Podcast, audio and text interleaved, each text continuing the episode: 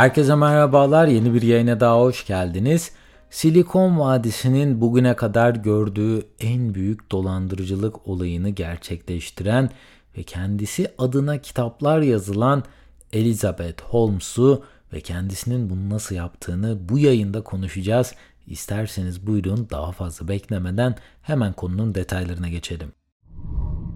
Theranos firmasının kurucusu Elizabeth Holmes bir zamanlar Silikon Vadisi'nde oldukça gözde isimlerden biriydi. Sözde geliştirmiş olduğu kan testi cihazı sadece bir damla kan örneği ile yüzlerce farklı testin elde ettiği sonucu anında elde edecekti.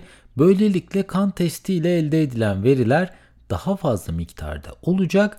Bu sayede de farklı testler gerektiren hastalıklar artık bu testlere ihtiyaç duyulmadan çok daha önceden teşhis edilebilecekti. Elizabeth Holmes Stanford'u bırakıp kendi girişiminin peşinden koşan ve ikna etme kabiliyeti de oldukça yüksek olan bir girişimciymiş.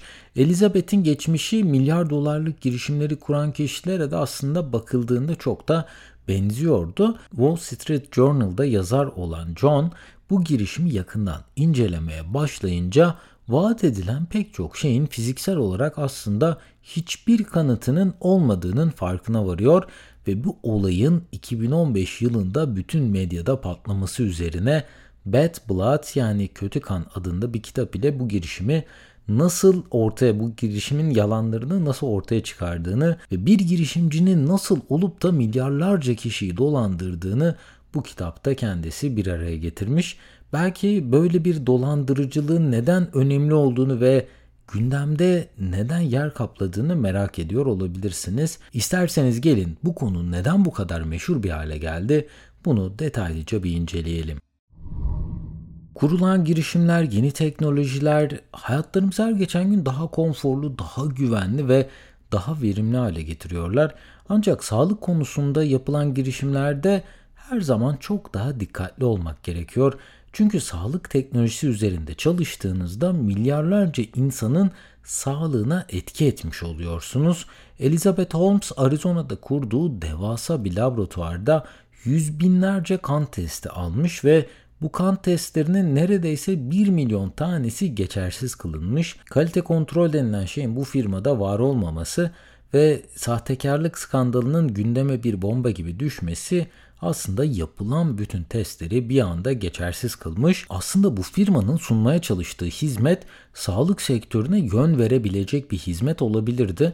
Yani eğer ki sadece kan testi ile insanların neredeyse tüm hastalıkları teşhis edilebilseydi bu ilk olarak gelişmemiş olan ülkelerde milyarlarca insanın özellikle çocuk ve bebeklerin hayatını kurtarabilirdi.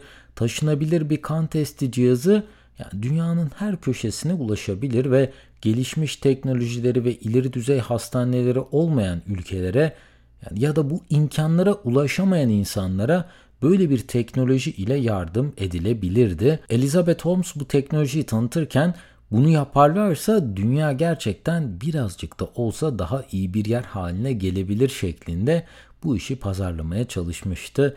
Pek çok insanın da bu işe yatırım yapmasında böyle bir anda dahil olmasında bu yaklaşımlarda bence oldukça etkili oldu. İnsanların duygularından faydalanarak kendi işletmesini giderek büyütmeyi de bu sayede Elizabeth Holmes başardı. Dünyanın ünlü isimlerinden yatırım alan, bazı siyasi isimlerle toplantılar yapan, onları da hatta yanında gösteren bir firmanın dolandırıcılık yapması pek çok insan için olası gözükmüyordu.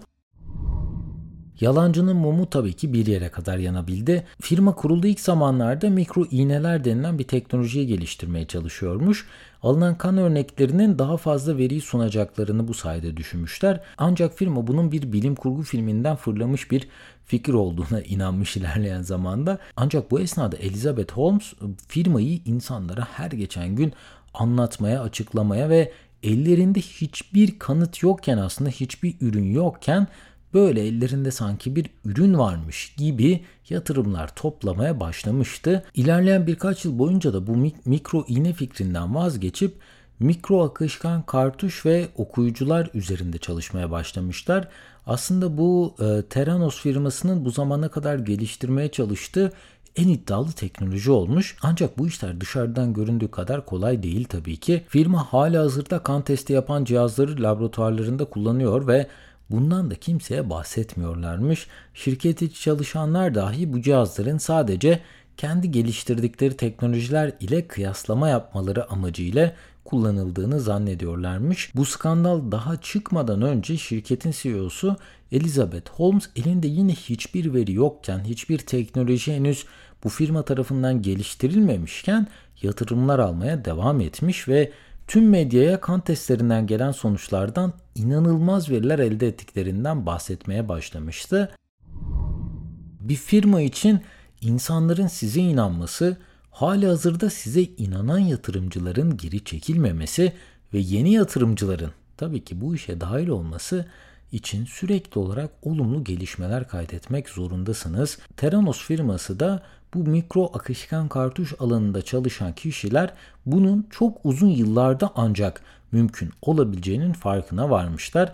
Aslında bu ekip bu iş üzerinde 5-10 yıl daha çalışırlarsa bunun belki de aslında gerçekleştirilebilir, hayata geçirilebilir bir fikir olduğunu bu görülen davada paylaşmışlar. Ancak Elizabeth Holmes'un 10 yıl gibi bir süre boyunca hiçbir ürün ortaya koymadan bu işi yürütebilmesi mümkün değildi tabii ki ve bu yüzden de bu projeyi kapatma kararını almış.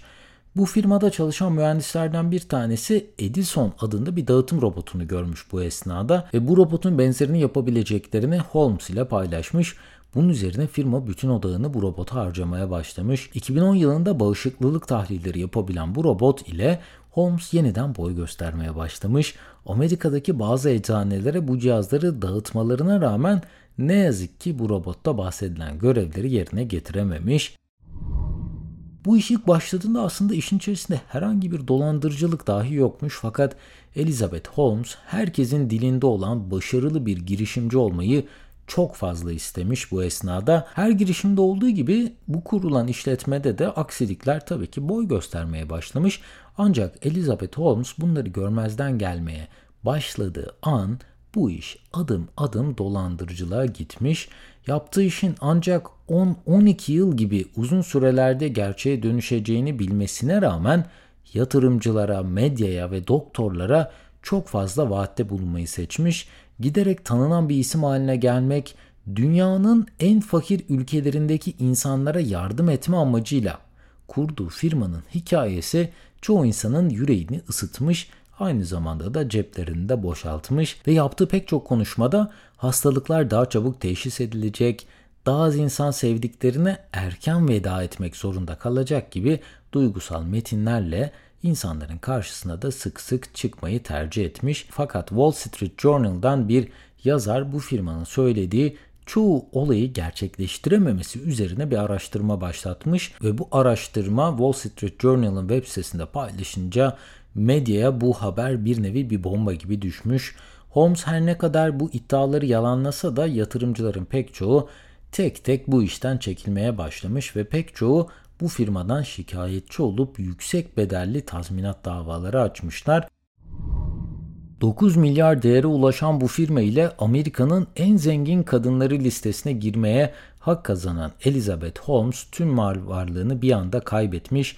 Bu firmanın hiçbir şey geliştirememesine rağmen ellerinde büyük bir teknoloji varmış gibi davranması aldıkları kan testleriyle insanlara yanıltıcı sonuçlar vererek insan sağlığını hiçe saymaları Elizabeth Holmes'un 11 yıl boyunca hapis cezası alması ile sonuçlandı. Şu an ise kendisi 2032 yılının Aralık ayına kadar Texas Houston'da yer alan bir cezaevinde parmaklıkların arkasında hayatına kaldığı yerden devam ediyor. Bu bölümde Silikon Vadisi'nde bir zamanlar fırtına gibi esen, her yatırımcıyı ikna etme yeteneği ve duygusal konuşmaları ile tanınan ancak şu an hapishane parmaklıklarının arkasında sıkışıp kalmış olan Theranos firmasının kurucusu Elizabeth Holmes'u bu yayında konuştuk. Umarım sizlere faydalı bilgiler sunabilmişimdir. Bu arada tüm yayının yazılı metnine ve yayında kullandığım kaynaklara açıklamalar bölümündeki link üzerinden ulaşabilirsiniz. En kısa sürede yeni yayınlarda görüşmek üzere. Kendinize çok iyi bakın. Hoşçakalın.